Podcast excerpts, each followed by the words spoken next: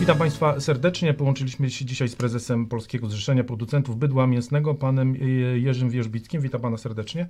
Dzień dobry Państwu. E, A ja chciałem zapytać, o co chodzi w e, liście, który wystosowali Państwo jako grupa, grupa hodowców do pana Janusza Wojciechowskiego, komisarza do spraw rolnictwa. E, I w tym liście podnoszą Państwo em, problem, jakoby miało, Unia Europejska miała wprowadzać ograniczenia w reklamie mięsa. Czy mógł Pan nam e, jakby naświetlić ten problem? E, Od wielu lat e, słyszymy głosy, narasta kampania, która stygmatyzuje produkcję zwierzęcą, pokazuje negatywne skutki dla środowiska produkcji zwierzęcej. Są eksponowane problemy, jakoby problemy wpływu na zdrowie w przypadku spożycia mięsa. Ta kampania się toczy i ona się toczyła, że tak powiem, od wielu lat. Natomiast W ostatnim okresie, e, mniej więcej półtora roku, widzimy e, przełożenie tej dyskusji na decyzje polityczne, e, które mają e, przełożenie na e, konkurencyjność produkcji zwierzęcej i na ograniczenie dostępu konsumentom do, do tego e, produktu. E, Wydarzyły się w tym czasie pewne fakty, pewne zdarzenia, e, które nie uciekły naszej uwadze. My zwracamy na to uwagę, śledzimy to. Stąd nasza reakcja w tej chwili i e, ten głos, e, aby uzmysłowić y, i w Polsce hodowcom, rolnikom i uzmysłowić też politykom, że my to widzimy i my będziemy protestować, bo y, może kilka faktów. Poproszę. Y, Pani posłanka Spurek zorganizowała w ubiegłym roku w Parlamencie Europejskim spotkanie, y, w którym prezentowano pomysły. Tam była z nią razem grupa, stowarzyszenie z Holandii, gdzie między innymi dwa koncerny wchodziły w grę, plus kilkanaście organizacji pomniejszych. Y, Tam prezentowano pomysł na opodatkowanie mięsa wysokim podatkiem, właściwie prawie podwajającym wartość, cenę na półce dla konsumenta mięsa. Y, Tłumaczono, że to mięso ma negatywny wpływ na środowisko. Y, Zupełnie ignorowano fakt, że emisja z produkcji zwierzęcej w Europie to jest tylko 4%. 96% emitują inne dobra, głównie produkcja energii, transport, te, które, inne dobra, które konsumujemy w innych celach. E, Więc y, zupełnie nieadekwatny był ten jakby y, mm, fokus na mięso, jeżeli rzeczywiście chodziłoby o emisję, o ograniczenie emisji. E, Widzieliśmy też protesty w Holandii dwa, półtora roku temu, gdzie Holendrzy po raz pierwszy od chyba set, 100 lat zaprotestowali, rolnicy holenderscy. E, Sparaliżowano Amsterdam, e, Hagę. E, To, były, to trwało wiele miesięcy. Tam między innymi pomysł był taki, aby zablokowano chyba 10 lub 20 tysięcy inwestycji w sektorze y, zwierzęcym. Y, Między innymi też chodziło o emisję. Y, To się, to się działo już. Następne fakty. W, przed publikacją Zielonego Ładu i przed publikacją strategii Fork to Farm, czyli od pola do stołu, która będzie podstawą prac komisji, dalszych prac komisji na, dla okresu programowania najbliższego. Mm, Pojawiły się pogłoski, że Komisja Europejska chce wpisać do tej strategii zakaz promocji mięsa. E, Były y, nerwowe ruchy z różnych stron. E, W finalnym dokumencie pojawił się zapis, że Komisja będzie wspierać promocję mięsa produkowanego w sposób zrównoważony. Co to znaczy?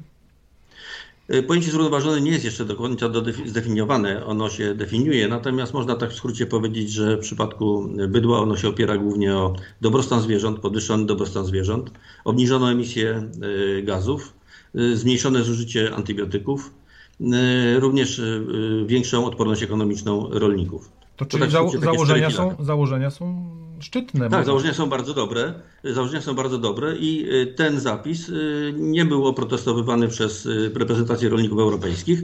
Rolnicy europejscy uważa, uważają, Kopa Koczeka uważają, że to jest właściwy kierunek zmian w, europejskim rolnictwie i będziemy pracować nad poprawą dobrostanu zwierząt. Są takie prace już prowadzone i w Polsce również. Będziemy pracować nad różnymi metodami obniżania emisji, bo to jest możliwe. To są sprawdzone metody.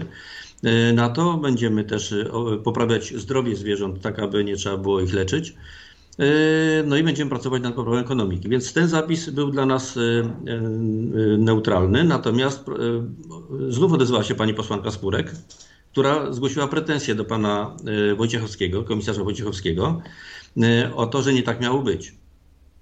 Ja to był kolejny sygnał, Mhm. to, to był kolejny sygnał, że no są pewne siły gdzieś tam zakulisowo działają, które cały czas konsekwentnie, krok po kroku próbują tę promocję mięsa wykluczyć. Kolejny fakt sprzed paru miesięcy, przed, przepraszam, sprzed paru tygodni, to jest ogłoszony plan walki z rakiem przez Komisję Europejską, DigiSante, Komisja do Spraw Zdrowia. Tam wpisano zdanie, które wskazuje, że powinno się traktować mięso jak równie, że jest równie szkodliwe jak tytoń, palenie tytoniu. W związku z tym powinno się iść w kierunku zakazu promocji e, mięsa. To są kolejne sygnały, kolejne fakty. Trwa w tej chwili przegląd, e, przegląd e, polityki promocji Unii Europejskiej. To jest mm, polityka, która miała początek w 2014 roku.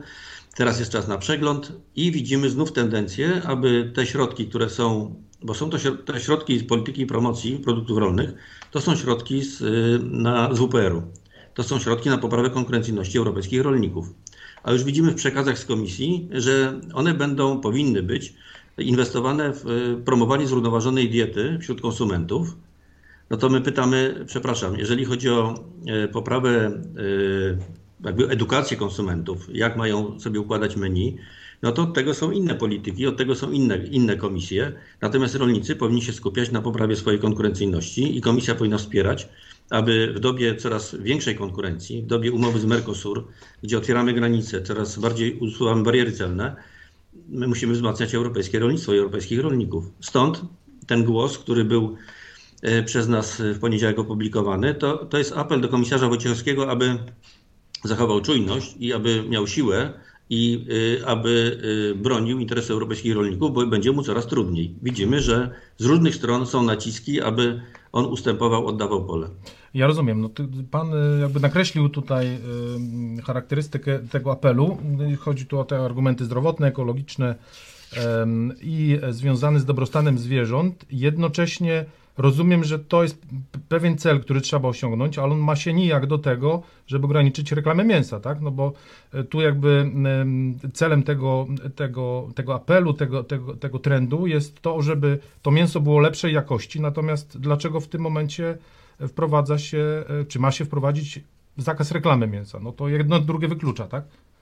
Y, więc y, dokładnie punktowaliśmy to, że Komisja strategii Fork to Farm wyraźnie zaznaczyła, że będzie wspierać promocję produkcji zrównoważonej, tej lepszej dla środowiska, lepszej dla konsumentów, lepszej dla zwierząt. I to jest naszym zdaniem właściwy kierunek. Wszelkie próby wyjścia bocznymi drzwiami i zmiany tych, tych zapisów na zapisy, które będą się przekładały na zakaz promocji mięsa, absolutnie protestujemy przeciwko takiemu, takiemu podejściu. Tym bardziej, że kiedy przeanalizujemy opracowania naukowe, kiedy przeanalizujemy wypowiedzi różnych naukowców, nie tylko jednej strony, to y, te informacje o tym, jak mięso było szkodliwe, one są kontrowersyjne absolutnie. Y, wręcz jest wiele głosów, które mówią, że od y, wielu tysięcy lat y, mięso było podstawą y, naszej diety. Dalej jest bardzo ważne w zrównoważonej diecie. Ono ma pozytywny wpływ na, na, y, na wzrost. Po prostu trzeba jeść w sposób zrównoważony, dobrze zbilansowana dieta, wszystkiego po trochu. Mięso ma też swoją rolę w tej diecie i y, uważamy też, że kiedy z jednej strony narasta kampania negatywna, negatywnych znaczy oszczerstw, fejków ze strony przeciwników mięsa, my powinniśmy mieć narzędzia, żeby konsumentom dostarczać wiedzę z drugiej strony. Żeby konsument miał możliwość wyważenia sobie, wyrobienia sobie własnego zdania. Próba odcięcia nas od y, artykułowania swoich poglądów, absolutnie protestujemy przeciwko temu. Jasne. Mm, ja zapytam wprost, bo mówi się mm, dosyć odważnie mówi się w tej chwili o hodowli mięsa. E, pewnie większość z naszych widzów nie spotkała się z taką terminologią, ale to trzeba przypomnieć, że że no już jakby z, to mięso jest produkowane na świecie, nie wiem czy skonsumowane, ale no laboratoria produkują, nie wiem czy to można nazwać mięsem właśnie, no teraz kwestia też terminologii, tak, czy ten produkt, który można posądzać, e, inaczej producentów tego, tego produktu, czyli sztucznego mięsa, można e, posądzać o to, że lobbują właśnie w temacie ograniczenia e, produkcji mięsa z, z normalnego zwierzęcia, czy czy to jest problem? Czy to może być problem w przyszłości? E, dla nas nie jest problemem, jeżeli ktoś, kto produkuje produkt konkurencyjny do, do mięsa, czy alternatywny do mięsa, nazywa ten produkt po imieniu, czym on tak naprawdę jest, czyli informuje konsumenta w sposób właściwy, nie wprowadzając go w błąd, to nie jest dla nas problem. Jeżeli będzie przekonywał do zalet swojego produktu, na przykład tych środowiskowych, czy zalet związanych ze sposobem produkcji, nie mamy nic przeciwko temu. Natomiast budzi się w nas protest i sprzeciw wtedy, kiedy próbują lobbować pewne organizacje, siły wśród polityków zmianę prawa. Y, które wyklucza, które ogranicza nam pole do, do konkurencyjności, y, a powiększa pole dla potencjalnych substytutów y, produktów naśladujących mięso. Mój przyjaciel z Instytutu Francuskiego INRA, pan Jean-François Hoquet, analizuje ten rozwój tej technologii produkcji mięsa z komórek macierzystych już od 6-7 lat. Już kilka lat temu mówił, że jest to w zasadzie produkt, który z punktu widzenia takiego teore czysto teoretycznego no to on spełnia wiele, wiele wymagań, wiele wymagań, y, które się stawia przed y, produkcją mięsa, żeby, miała, żeby była niewielka emisja, y, że, bo tam nie ma emisji, żeby był ubój w sposób humanitarny, to tam nie ma uboju, więc z punktu widzenia wegan, wegetarian, jest to produkt, który może spełnić ich oczekiwania. I dopóki, dopóki tamte, tamta technologia się rozwija i jest po prostu nazywana po imieniu, tak jak mówimy, że to jest produkt mięsopodobny, tak jak był czekoladopodobny na półkach, nam to nie przeszkadza. Konsument powinien mieć przede wszystkim rzetelną informację. Powinien mieć świadomość, wiedzę, jaki po jaki produkt sięga.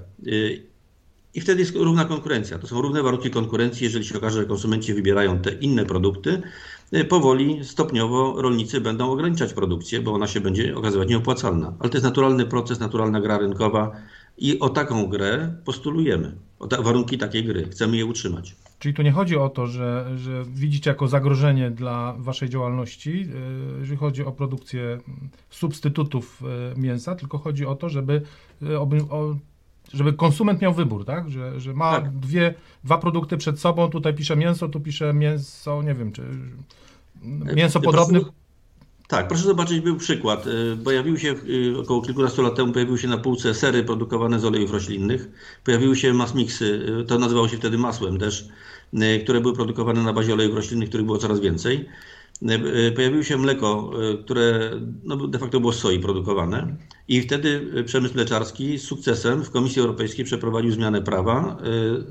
Ograniczono możliwości nazywania, właściwie wykluczono możliwość nazywania, używania nazw zastrzeżonych dla produktów produkowanych z mleka krowiego czy mleka innych przeżuwaczy kiedy produkuje się z dodatkiem roślinnych dodatków. I dzisiaj serem musi być, ser musi pochodzić, czy masło musi pochodzić z mleka e, przeżuwaczy. I e, to zostało zrobione. E, w, tym, w zeszłym roku była dyskusja w Parlamencie Europejskim, że podobną, podobne zastrzeżenia zrobić dla produktów mięsnych. I tu już się okazało, że to lobby, o którym rozmawiamy, było na tyle silne, że zablokowało te zmiany. Mamy problem. Dzisiaj można używać, można steki też podawać z soi, można burgery produkować z fasoli. Też mamy Nazywam takie już na półkach marketów, tak? Tak, powinny, placek z fasoli nazywany jest burgerem, co nas denerwuje, ponieważ konsument jest wprowadzany de facto w błąd. A Pana zdaniem świadomość e, naszych europosłów i komisarzy jest na odpowiednim poziomie, żeby móc ewentualnie zablokować, no ciężko, to, to, to się ciężko powiedzieć, tak? bo to jeżeli mówimy o wielkim e, finansowym lobby z tamtej strony, to czy są narzędzia, żeby móc nie, obronić ten rynek, tak? Ja myślę, że przede wszystkim pan komisarz, i taki był cel tego listu również, że pan komisarz miał świadomość, że e, za nim stoją rolnicy. Pan, pan komisarz Wojciechowski, komisarz do spraw rolnictwa. E, leży na sercu rolników to, żeby produkcja zwierzęca zachowała swój charakter, żeby rozwijała się w kierunku zrównoważonym, ale żeby nie była e, negowana, żeby nie była dyskredytowana i żeby nie było spychania nas do narożnika. Proszę zauważyć, że z punktu widzenia rolników, Produkcja zwierzęca zawsze była alternatywą dla produkcji roślinnej. Jeżeli zboże słabo płaciło, zwierzęta były skarmiane y, zbożem, wtedy można było sprzedać mięso y, z zyskiem. Jeżeli się wyłączy produkcję zwierzęcą, spadną ceny zbóż, co spowoduje, że rolnicy będą, wielu rolników będzie musiało zrezygnować z produkcji roślinnej. To są naczynia połączone. Y, I my walczymy o to, żeby ten porządek rzeczy, który się kształtował tysiące, setki lat, żeby on, jeżeli ma ulegać zmianom, to żeby ulegał zmianom ewolucyjnie. A nie tak jak będzie rynek, mhm. a nie rewolucyjnie. A nie rewolucyjnie przy, przy pomocy podatków, zakazów, stygmatyzowania. E, był Pan e, za, piątką, za wprowadzeniem piątki dla zwierząt? Absolutnie przeciwnie. Dlaczego? Absolutnie przeciwni Krótko, byliśmy. krótko dlaczego? E, Krótko dlaczego? Sam pomysł piątki dla zwierząt uważam, że jest bardzo szczytny i wartościowy. Natomiast e, pewne zapisy, które tam się pojawiły, były absolutnie szkodliwe dla polskiego rolnictwa i stąd byliśmy przeciwni. Nie byliśmy przeciwni całej idei piątki dla zwierząt, byliśmy przeciwni e, niektórym zapisom i na szczęście udało się e, przekonać drugą stronę, że ta inicjatywa wymaga przemyślenia, wymaga może lepszego zaplanowania i stopniowego wprowadzania ważnych elementów tej piątki dla zwierząt, ale nie wszystkich. Myśli pan, że będzie bitwa czy wojna o to mięso w najbliższej przyszłości? Yy, Wie pan, ja mam, ja mam takie skojarzenia od czasu do czasu, z, oglądałem zdjęcia z Fukushimy, yy, kiedy tamta fala tsunami, ona tak powoli wzbierała. Tak powoli, nieśmiało, w sumie tam się troszkę przelewała przez, tą, przez te wały, potem rozlewała się trochę po tym gruncie, który tam było widać, ale swoje zrobiła. I niestety musimy, musimy stawiać tamy, musimy się bronić, yy, bo widać, że siły są yy, po drugiej stronie są duże i mają duże przełożenie na i na opinię publiczną, i na polityków. Będziemy śledzić temat. Ja dziękuję panu za rozmowę, dziękuję państwu za uwagę. Rozmawialiśmy z panem Jerzym Wierzbickim, prezesem Polskiego Zrzeszenia Producentów Bydła Mięsnego. Dziękuję panu serdecznie. Dziękuję panu. Dziękuję.